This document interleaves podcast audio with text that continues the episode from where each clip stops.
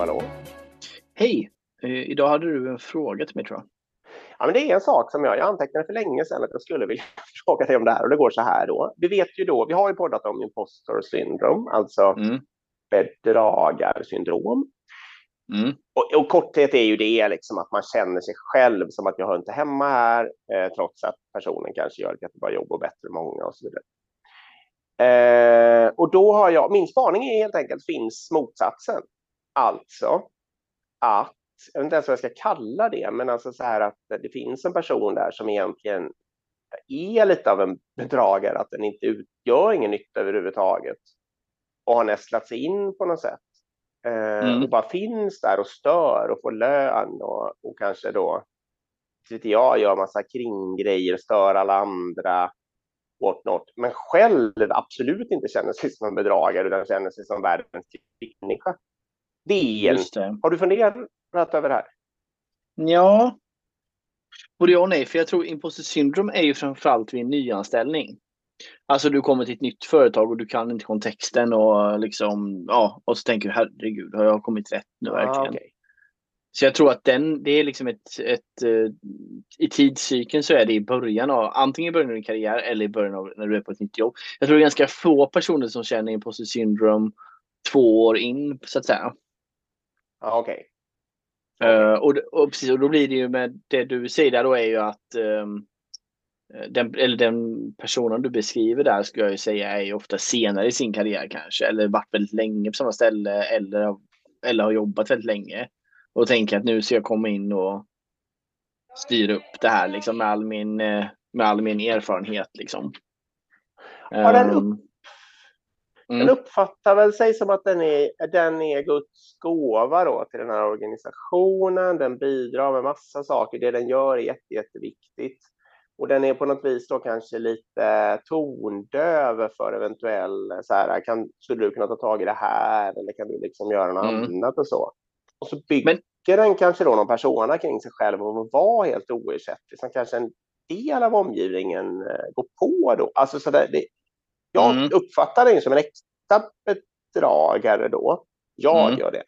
Men, och många andra kanske inte gör det utan dras med i det här då. På något mm. sätt. Okay, jag, har inte, jag tror inte jag har stött på en sån person mig veterligen, i alla fall inte i min närhet.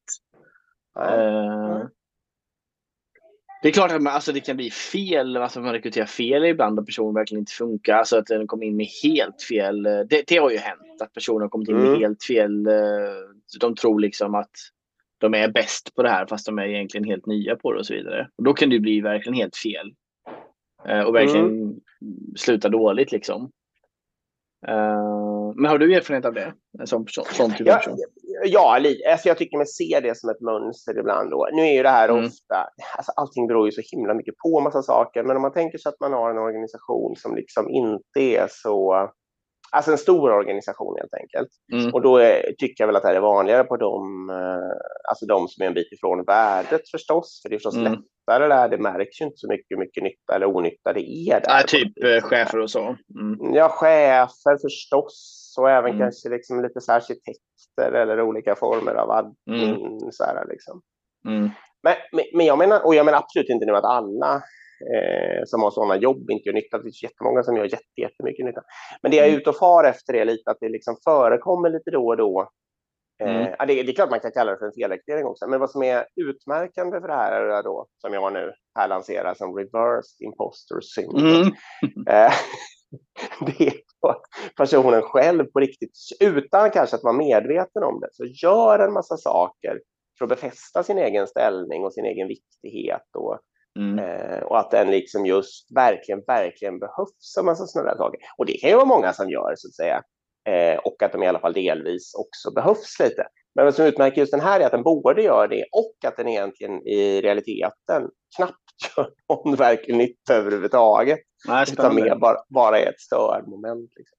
Och då, ja, ledarskapstesen är ju då förstås att eh, om ni, ni ska se upp med det här. Alltså, um, om, det är ju lite kejsaren i naken då, eller alltså det gäller att mm. försöka se det och det gäller att verkligen försöka tänka att även om, även om det finns powerpoint-bilder eller, tycker jag, pratas mycket, långa dokument, möten, långa mm. dokument och så där, så ska ni i alla fall tänka efter, liksom, är det här, har vi den här, vår organisation på riktigt nytta och glädje av det här, så att säga. Mm. Annars kanske ni har blivit utsatta för reversed imposter syndrome.